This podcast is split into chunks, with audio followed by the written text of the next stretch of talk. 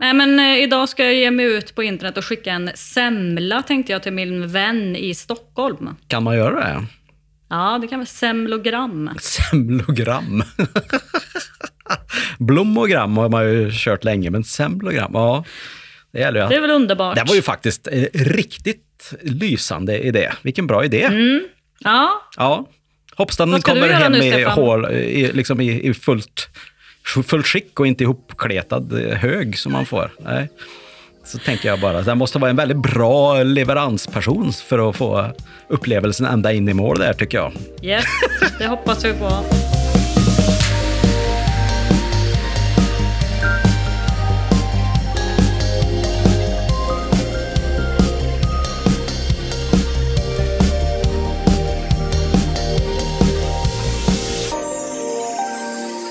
Välkommen till Be Digital-podden! Hej, hur mår du idag Lisa Bergqvist, kommunikatör på Compare? Ja, men strålande. Hur är det själv? Det är så lysande att det är glimrande. Och det är underbart när det är lite ljusare så här med snö och grejer på marken. Livet känns lättare, eller hur? Men verkligen. Vi har ju fått eh, ett önskemål här ifrån lyssnarna i Be Digital-podden. Precis, det var ju en här som kom fram och sa just snälla kan, kan du inte köra lite sån här e-handel för såna som inte fattar något, såna som mig? Eh, typ e-handel för dummies eller något. Jo, så då tänker vi att det här avsnittet är just för dig som är nyfiken på att börja med eller utveckla din e-handel.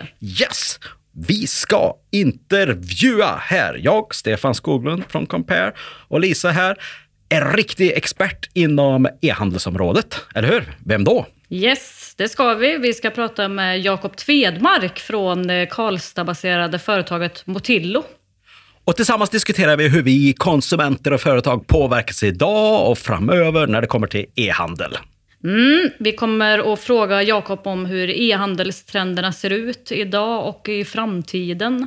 Vad handlar vi mest av egentligen på nätet och vilka möjligheter finns det för företag att öka sin konkurrenskraft genom e-handel? Ja, och som vi sa kan alla starta en e-handel idag och sälja sina produkter och tjänster på nätet. Och sen tycker jag det är jätteintressant att just amerikanska jätten Amazon har gjort sitt intrång under, eller i Sverige under hösten 2020. Hur, hur påverkar det oss och våra företag här? Det måste vi ju fråga honom också.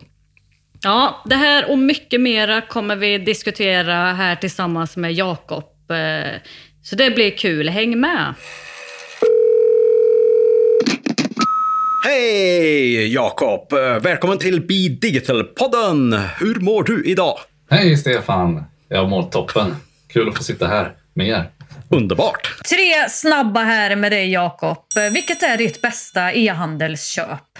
Eh, Jag har köpt bil två gånger via nätet. Det tycker jag var ett bra köp.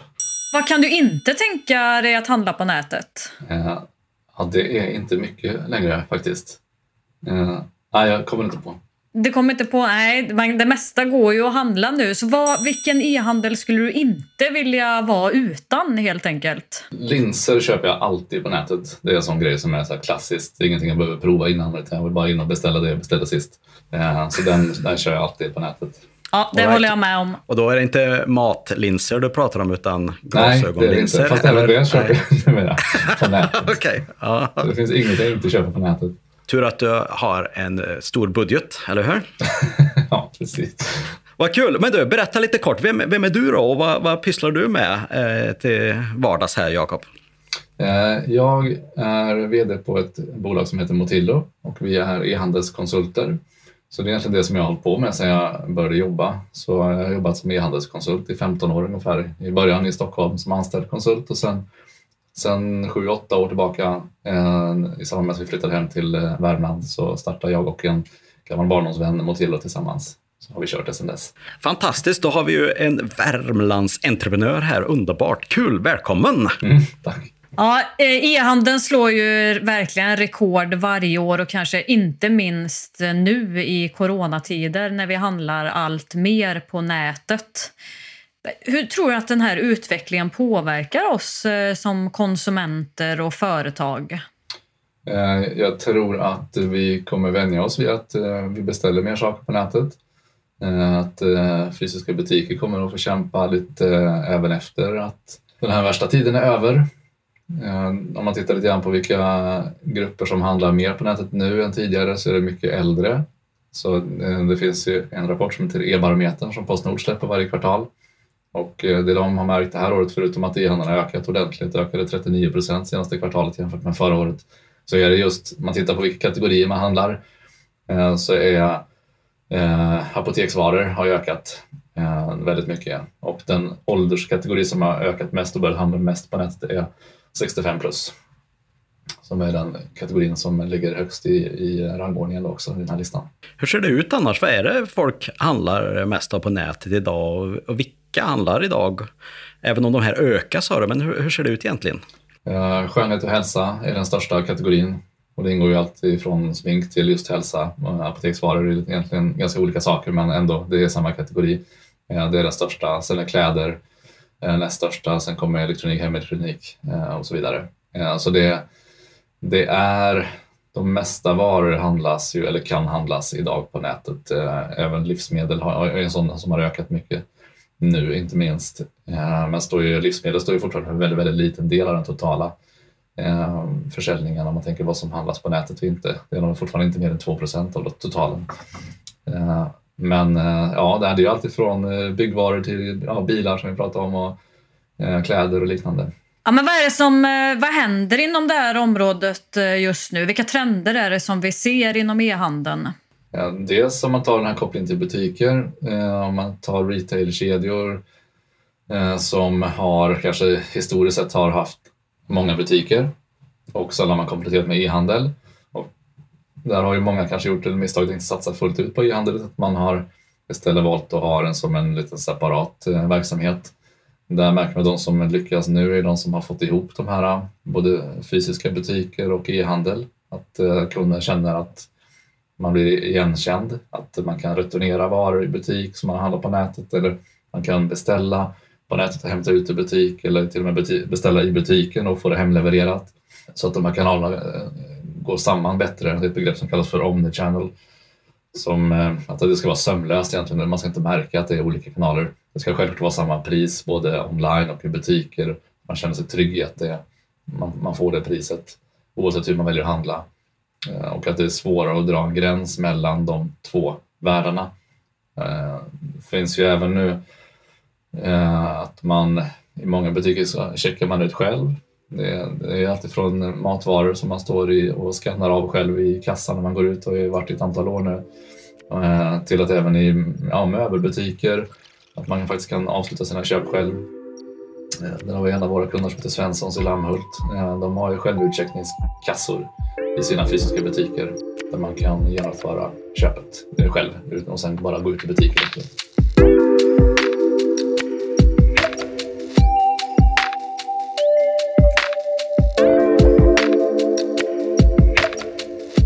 Det är ju mycket snack just nu om Amazon och att de har kommit till Sverige då, äntligen, eller tyvärr, beroende på vilket mm. perspektiv man har. Mm. Uh, och att, att det här kommer att förändra våra konsumentbeteende, men också vad företagen måste göra. Mm. Så hur, för det första, kan du kort berätta hur du ser på vad är Amazon egentligen? För det är ju egentligen mycket mer än bara e-handel. Och hur kommer det att påverka marknaden i Sverige? vad, vad tror du? Ja, Amazon är ju som sagt mycket olika saker. Det är eh, alltifrån eh, e-handeln då, som de flesta kanske tänker på först. Eh, att man kan gå in och köpa produkter. Sen har de ju Amazon Prime som är video och streamingtjänst. Amazon Music, de har drifts och hostingtjänster, betallösningar, spelplattform med mera, med mera. Och alla de här hänger ihop i någon form oftast. Och nu har de som sagt etablerat sig på riktigt i Sverige med lager och hela svensktalande personal och liknande. Vilket gör att de, vi kommer ju se mer av Amazon i Sverige än tidigare. Amazon, man har ju kunnat handla från Amazon i många år och fått beställt varor till Sverige. Men nu blir det lite mer på riktigt då. Och Amazon är i första hand en marknadsplats för andra aktörer att sälja sina varor via. Och det kan ju vara att man är ett varumärke som vill nå ut med sina produkter på ett annat sätt, både inom Sverige eller utanför Sverige. Eller att man är en återförsäljare och har sina leverantörer och säljer kanske i butik eller via e-handel själv idag. Eh, även då så kan man ha möjligheten att sälja även via Amazon som en försäljningskanal, en extra försäljningskanal. Sen är Amazon dessutom då väldigt vassa på logistik. Eh, det har varit en framgångsfaktor för dem, vilket gör att de ser ju gärna att de håller i logistiken för de här eh, säljarna som finns på plattformen. Så att det innebär att man i så fall låter Amazon ta hand om en del av ens lager och då är det Amazon som själv packar de ordrarna, skickar ut dem till kunden, tar hand om returer och liknande. Som Stefan sa här, det finns ju lite olika perspektiv att se på det här. Och, eh, hur, vad tycker du? Ska vi se Amazon som en hot eller som en möjlighet? Jag tror att som konsument så är det positivt. Det blir en aktör till att välja på. Eh, varorna är ju som sagt till stor del det som redan finns i Sverige idag. Eh, Amazon har ju till viss del egna varumärken också, att de börjar konkurrera med sina säljare också inom vissa segment. Men för konsumenten så är det ju en fördel.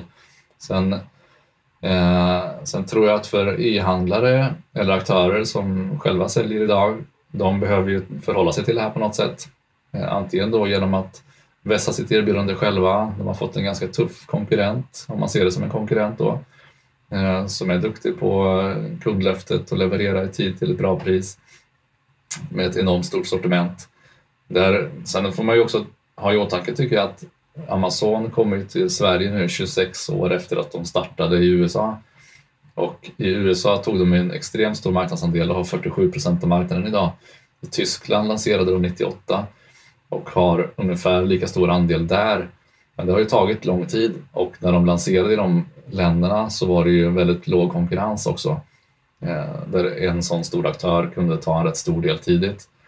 Om man jämför med den konkurrensen de möter i Sverige. I Sverige är e-handlare generellt väldigt duktiga och eh, vi kunder är också rätt kräsna när det kommer till eh, användarupplevelse, hur det ska kännas och se ut på sajten. Amazon har ett helt annat utseende och känsla då än många svenska skandinaviska e-handelsbutiker. Eh, så ja, absolut kommer Amazon ta en marknadsandel som märks men jag tror att det kommer ändå dröja ett eh, tag innan det är uppe på de nivåerna som det är i framförallt i USA och Tyskland.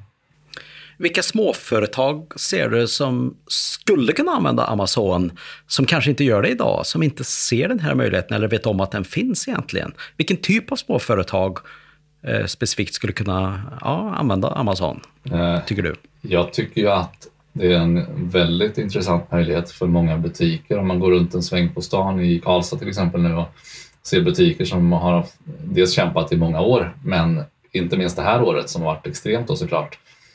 Eh, och som inte har resurserna att lägga på att bygga en, en e-handelslösning i världsklass. De, de tycker jag definitivt bör testa Amazon som en kanal att nå ut och kanske till och med låta Amazon ta hand om lager och logistik om man känner att man inte vill göra det själv. Eh, för det är ju också så att Amazon, man, man tänker ju mest eh, just nu kanske som att ja, men det är ett hot i Sverige och det tar en marknadsandel här, men det går ju åt andra hållet också. Det, om man till, Amazon har, vad säger de, 150 miljoner artiklar eh, som de flesta kan beställas till Sverige redan idag.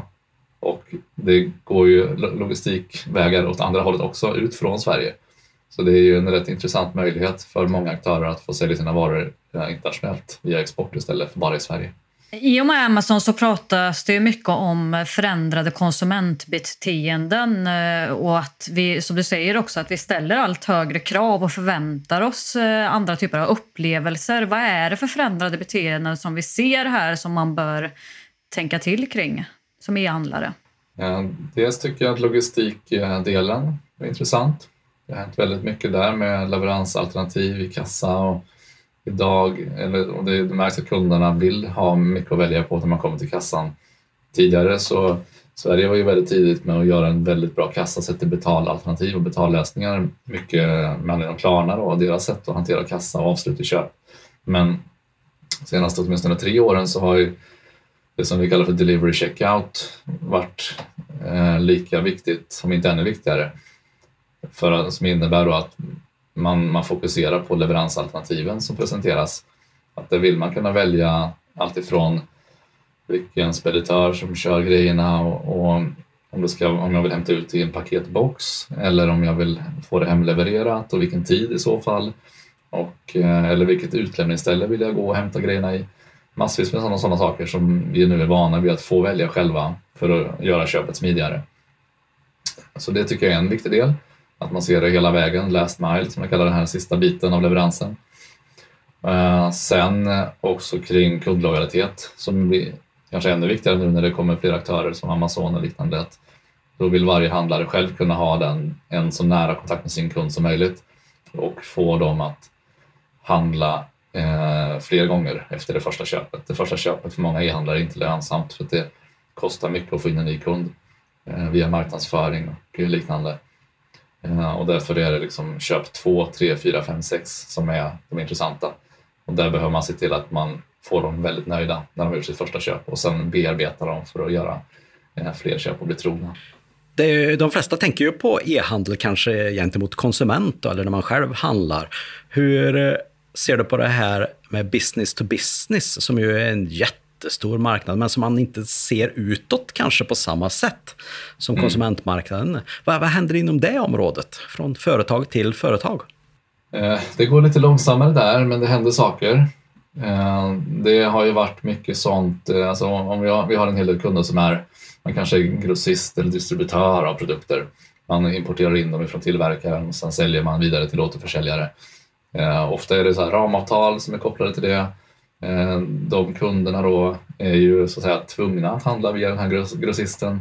Ofta är det kanske via mail, telefonsamtal och man har utesäljare som ska ut och träffa de här kunderna och ta ordrar i orderblock och liknande. Så man har ju byggt en struktur som inte är gjord för att gå över på e-handel. Eh, och då är det också ganska lätt att hitta det som lite ursäkter för att inte vilja ändra på det. Eh, man kanske till och med funderar på om det är ett hot för ens eget jobb i förlängningen att erbjuda bra e-handelsmöjligheter för de här kunderna. Eh, och det har ju funkat eh, till en viss del men nu kommer det, dels kommer det nya aktörer som börjar konkurrera som är e-handel från början och tänker helt och hållet på den, eh, den aspekten.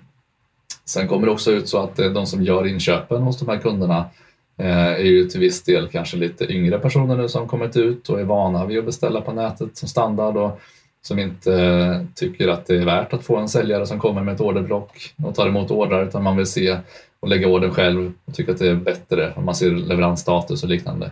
Så, och, och, där märks det ju stor skillnad då för den, de grossister och eh, distributörer som har tänkt på det nu och ser till att erbjuda bra möjligheter. Eh, det blir en konkurrensfördel istället. Jag satt i en diskussion vet jag, med, i någon ledningsgrupp och, kring om de skulle börja med e-handel eller inte. Eh, ett bolag som är ja, men hyggligt stort ändå, omsätter en bit över 100 miljoner, eh, men utan e-handel då. Och eh, en av deras säljare satt med armarna i kors vet jag och, och sa så här, nej, jag tror inte e-handel är något för våra kunder. Eh, dessutom måste de ju beställa av oss, vi har ju ramavtal med allihopa. Så, och då, då sa jag lite försiktigt att det det förstår jag att de måste beställa av er nu, men det så har, man, har det ramavtalet är väl inte för alltid, utan det kommer ju löpa ut någon gång. Och då har de möjligheten att gå någon annanstans. Plus att även om de nu under den här tiden har ett ramavtal så är det väl vettigt att göra kunderna nöjda under den tiden och låta dem beställa på ett sätt som de vill göra. Till exempel då, som de hade ganska mycket kunder som eh, var ja, men mindre butiker kan man säga eh, där man inte har en dedikerad inköpschef som gör inköp och liknande. Utan det är ofta kanske ägaren till den butiken som på dagarna håller på ute i verkstaden eller i verksamheten och eh, behöver lägga sina beställningar på kvällen. Eh, och då finns det ingen tillgänglig som kan ta emot de ordrarna mer än att kanske ta, gå via mail och till och med fax som de fortfarande hade då. Eh, och det blev i alla fall en e-handel av det och eh, det, det, har ju gått fantastiskt bra för just de här, den stora mängden kunder som är mindre i deras fall. De tycker att det var fantastiskt att få lägga order på kvällen och dessutom få bekräftelse, se lagerstatus. Alltså inga konstiga krav, väldigt enkla krav om man jämför med hur kräsen man är som konsument. Det är inte så att man blir wow, de visar lagerstatus att den fanns i lager. Det skulle man inte bli så imponerad av när man köper något som privatperson. Men sådana små saker räcker faktiskt inom B2B och det är det som gör att det är så frustrerande för vår bransch ibland att se att inte alla anammar det där än. Nu tack och lov har det ju verkligen börjat hända saker senaste eh, två, tre åren åtminstone. Så att, eh, nu, nu är det liksom äntligen dags för alla att eh, komma in i den här världen.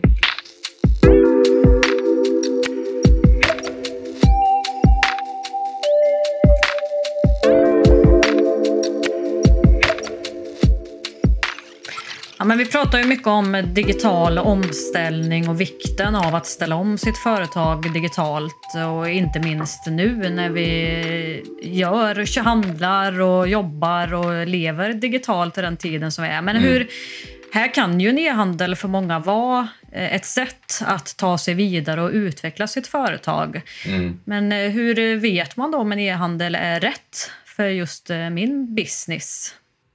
Eh, dels tycker jag man kan så här, antingen fråga sina kunder om man, om man är osäker själv eller fundera själv så här, skulle jag inte, om jag var kund, skulle jag vilja köpa de här grejerna på nätet istället?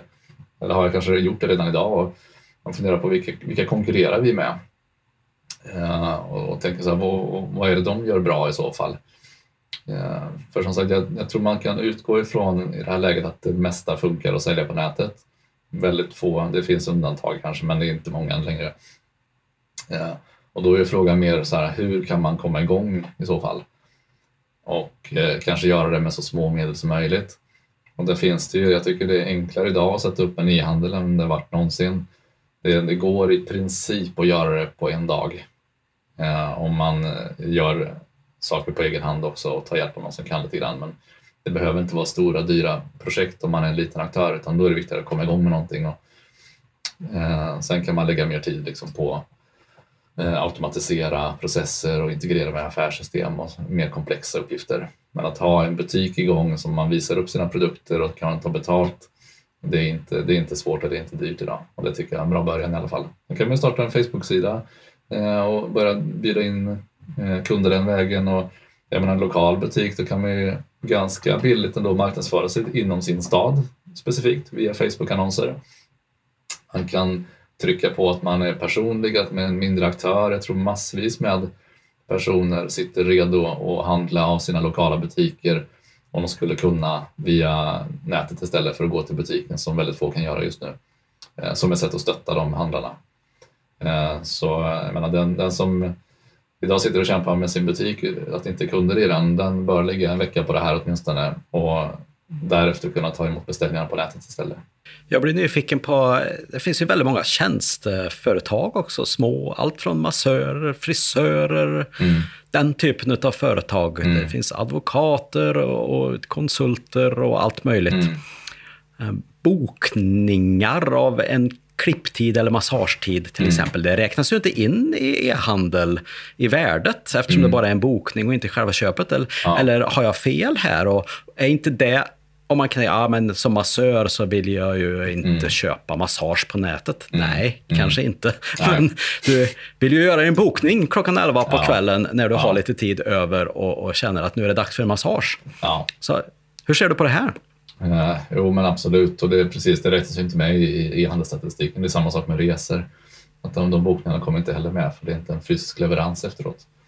Uh, och det kan man ju diskutera, liksom, om inte det borde finnas med eh, i, i, statistiken på något sätt i alla fall. För det händer ju saker där. Eh, mm. och, eh, för just den typen av tjänster, det finns ju en del sådana generella eller bokningstjänster där man kan gå in som man som massör till exempel kan ansluta sig, eller frisör för den delen. Men jag håller med, det, det, det bör nog finnas med i den här typen av rapporter också. Jag tänker att eh, man kan utgå från konsumenternas krav lite grann och se vad är det mm. jag vill ha. Mm. Och det kanske inte är ett, ett avancerat jättestort e-handelssystem, men Nej. vissa enkla bokningsfunktioner kanske räcker för just mm. oss. Uh, och att man tittar utifrån det perspektivet. Ja, absolut. Ja, men jag tycker man ska inte göra det till en mer komplicerad fråga än vad det är. Det, det, det viktigaste tycker jag är att ta beslut och så kommer man framåt med någonting och göra någonting. Eh, och utvärdera och testa och sådär. Eh, inte försöka göra något som löser alla problem för all framtid utan gör någonting som man kan börja med och sätt en ganska kort tidshorisont för det också.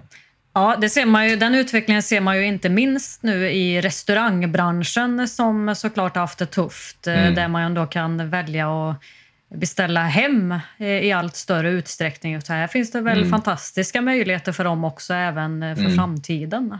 Ja, Ja, restaurangerna har ju verkligen eh, utvecklats på det här senaste halvåret. Det är på ett sätt som ja, det går nästan inte att jämföra med vad de har gjort tidigare. Med hemleveranser till exempel.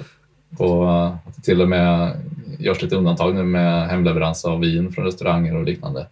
Så det, det händer ju grejer där absolut, även om jag lider med den branschen på totalen då, att det är extremt tuffa tider för dem just nu. Vad har du för eh, tips just kring e-handel när det gäller företag? Vad, vad, ska man tänka på när man sätter igång eller om man vill ta nästa steg och så vidare? Utifrån hur läget ser ut idag. Eh, jag tycker man kan titta lite grann på vart man står. Det finns ju, den som vill börja med e-handel har ju så otroligt mycket alternativ framför sig så man kan nästan bli snurrig av att tänka på det. Massvis med plattformar och det är tekniska frågor och det är annonser och ja, det, det är mycket och jag förstår att det känns väldigt jobbigt att ta sig igenom om man, om man är ovan där. Utan där tycker jag man funderar lite grann på vart står vi just nu och vart vill vi vara om tre år kanske. Och så funderar man på vad man har för budget för att komma dit. Hur mycket man är beredd att investera eh, och sen därifrån så kan man börja sålla ner ganska snabbt tycker jag. För som sagt, är man en liten butik och liten budget, så kan man faktiskt ansöka om omställningscheckar eh, för att kunna få hjälp till exempel med att lansera en e-handel. Det är ganska bra case för det. Eh, Sen kan man komma igång med någonting som är uppe och snurrar ganska fort inom någon vecka kanske om man har lite flyt och effektiv eller några veckor i alla fall som, som mest. Mer, mer komplicerat än så tycker jag inte man ska göra i det fallet. Sen är man B2B-bolag som inte har kommit igång med e-handel. Då är det lite andra krav istället man har på sin lösning. Då är det sannolikt så att man har ett affärssystem som är hjärtat i verksamheten där alla beställningar läggs in idag i någon form.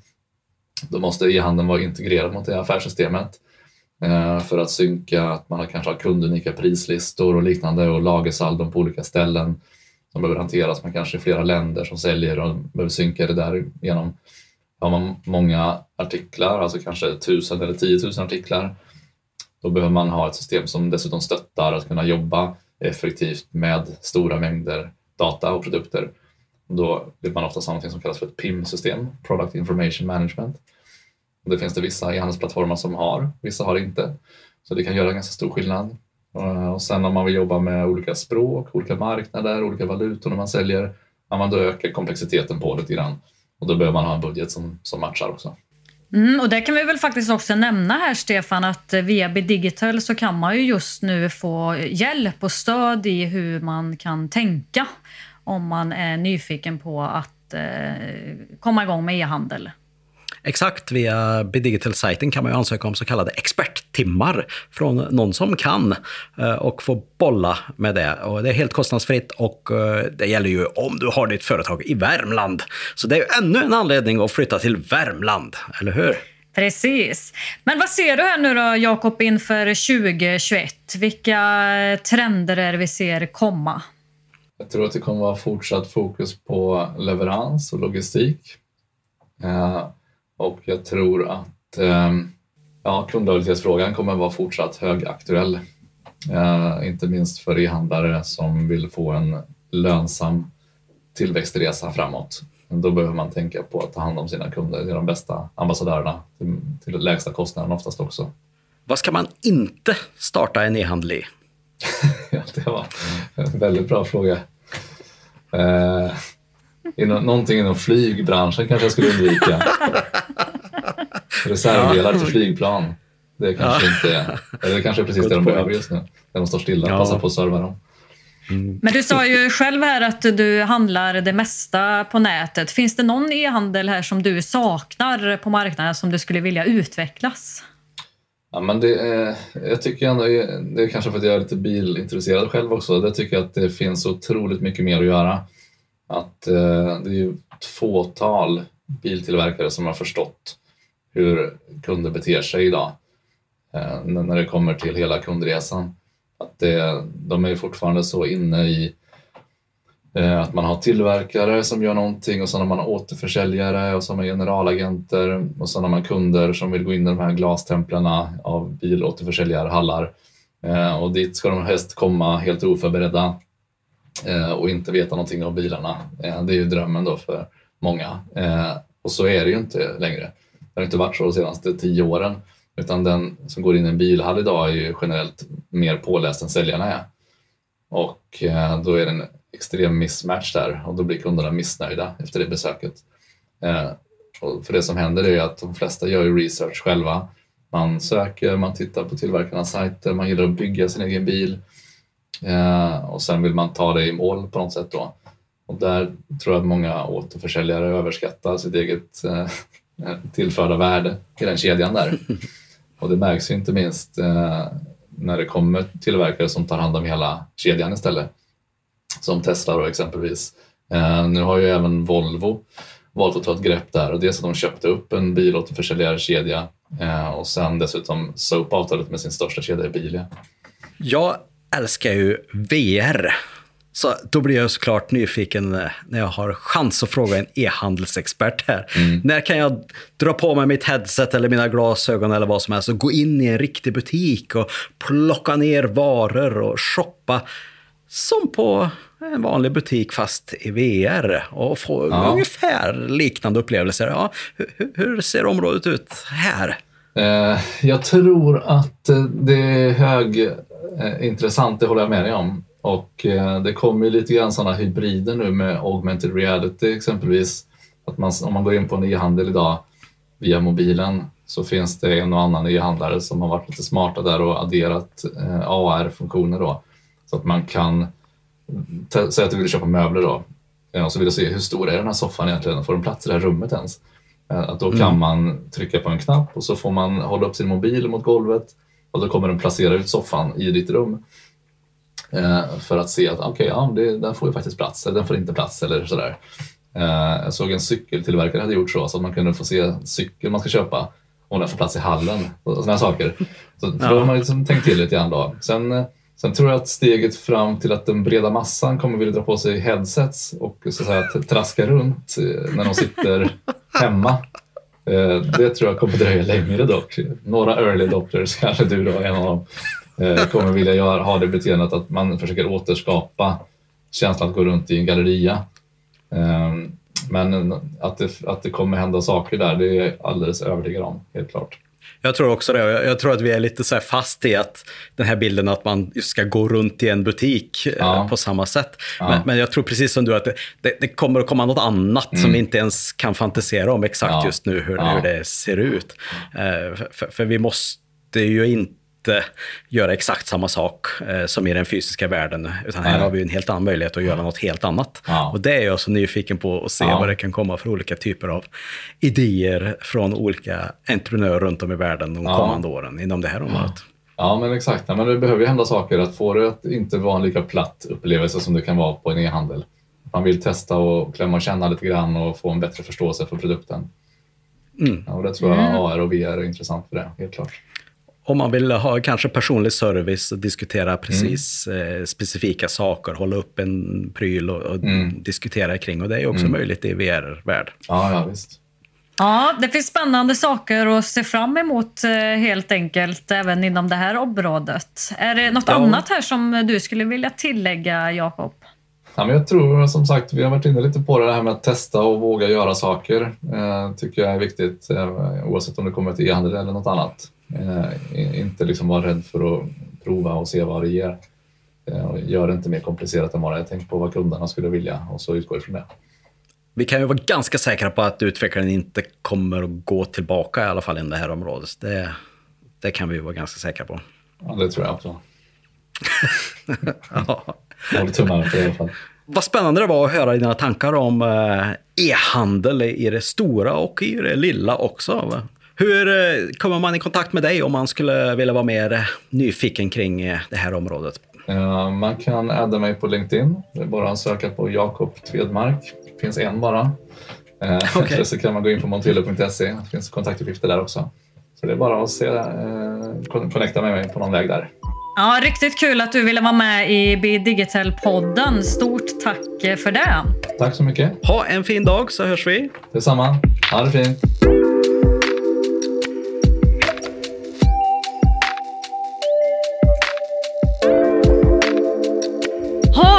Men vad kul det var att ha med Jakob här. Han hade ju många konkreta och bra tips för en som är nyfiken på det här området.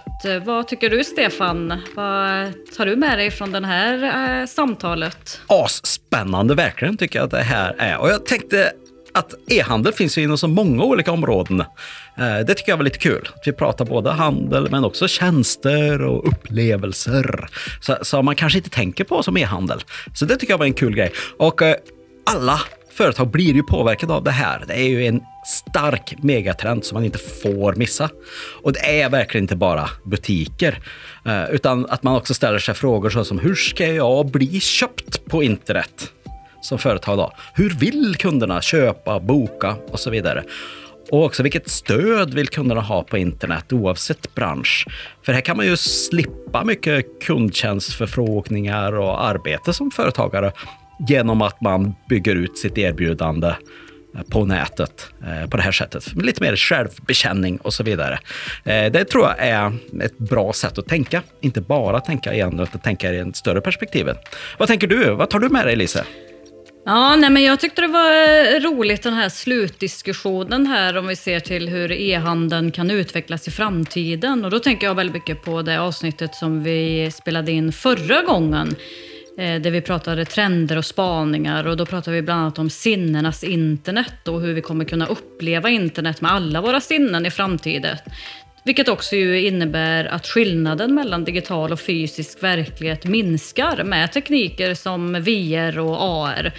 Och det här tror man ju är ju inte långt borta. Mycket av den här tekniken finns ju redan. Så där tänker jag att även om man kanske inte erbjuder sin butik i VR ännu så kan man ju ändå fundera kring hur kan man förhöja upplevelsen av sin e-handel på nätet.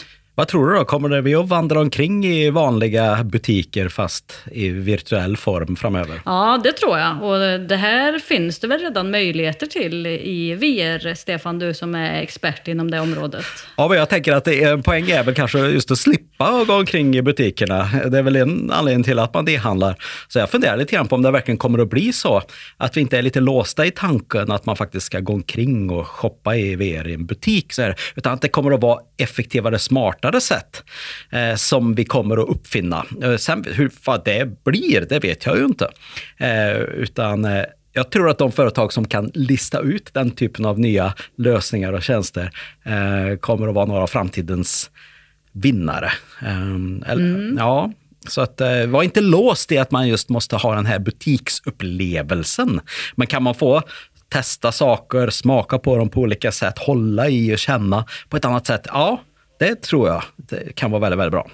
Sen tycker jag också att, eh, det, är så, eh, att det här med social shopping som är jätte jättestort i eh, Kina bland annat eh, med influencers som säljer olika typer av saker. Men också då att man har en kontaktperson i sin favoritbutik som man kan ringa till och få råd och tips ifrån. Eh, de är otroligt duktiga på just det där att bygga en relation med kunderna. Så det skulle jag ju vilja ha här också lite grann, att man eh, kunde ringa upp sin eh, klädbutik och ha sin kontaktperson där i all enkelhet på Facetime och ska man fråga vad har ni för jeans inne idag här? Här och så kan de visa runt lite grann. Det här kanske skulle kunna passa dig. De vet vilken storlek jag har och vad jag brukar gilla och vilken typ av, om det är nyårsfest eller om det är en midsommarfirande jag ska gå på så kan de rekommendera lite olika typer av hawaiiskjortor eller vad det nu kan vara som kan passa för just det här tillfället utifrån att de känner mig. Och så eh, kan jag ju då få ett antal eh, varor, ja, i princip då i en påse som jag bara skulle kunna komma och hämta ut. Eh. Nej, det, så skulle jag inte vilja ha det. Utan då skulle Va? jag ju hellre vilja ha en AI som eh, följer mig och genom olika kan se då att här liksom kanske jag behöver minska lite på din storlek eh, framöver genom värden i min klocka till exempel. Aha. Men jag skulle ju inte vilja ha en, en fysisk person som hjälper mig med det här och definitivt inte behöva åka till butiken och hämta grejerna. Vadå, det är väl inga problem? Det är väl bara... Det, eller? Ja, då får man ju lägga en halv dag på att hämta ut. Det är ju inte något som effektiviserar. Ja, ja du, tänker, du tänker så ja. Först ska man prata med människan och så det blir ändå fel, man ska ändå till butiken. Ja, men eh, du vet, jag bor i Arvika, ja. Det är inga problem att ta sig till butiken där. Du vet, allting tar tio minuter i Arvika och då inklusive det, är det både tur och retur, oavsett vart man mm. bor någonstans. Ja, okay, ja. Det är lite annorlunda ja. i Karlstad. För du måste liksom köra långt och parkera och betala 80 kronor i parkeringsavgift och trängas Hitta med massa till människor. butiken, stå i köer. Eh, det är liksom en heldagsprojekt. Och det där. möta massa människor som du måste prata med och, och så vidare. Ja, det slipper vi i Arvika. det är lite lugnare här. Ja, hur som Ja, ja, helst så okej. ser vi ju fram emot vad det kommer för kreativa idéer och entreprenörer inom det här området. Ja, för visst, här finns det många möjligheter. Yes, tänk inte så stort, utan tänk litet. eh, Vad vill kunderna ha? Hur skulle du själv vilja ha det? Och börja experimentera helt enkelt, tycker jag.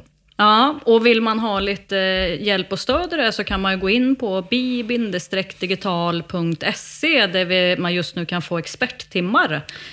Om man är ett Värmlandsföretag, får vi väl då också Yes. säga. Ja. Men eh, plattformen är öppen för alla att använda. Men just Mm. den här stöttningen är bara för dig som Värmlandsföretagare såklart.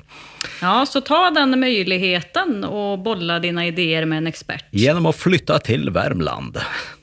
Ja, det vill vi också såklart. Ja, Men eh, vad säger du, vill du tillägga någonting här innan vi eh, avslutar det här avsnittet? Nej, jag känner mig väldigt eh, taggad för att, att Ja. ha med mig de här lärdomarna in i, ja, i, i livet i övrigt, här, både som konsument men också som entreprenör. Så jag tycker det är kul. Ja. Okej, ja, men ja. vi säger så för nu. Vi säger så för nu. Ha en riktigt bra dag där ute. Vi tackar Jakob Tvedmark här på Motilio em, som man då kan hitta länk till både hans LinkedIn och webbsida i eh, avsnittstexten här. Eh, och så ses vi snart igen framöver. Hej, hej! Hej, hej!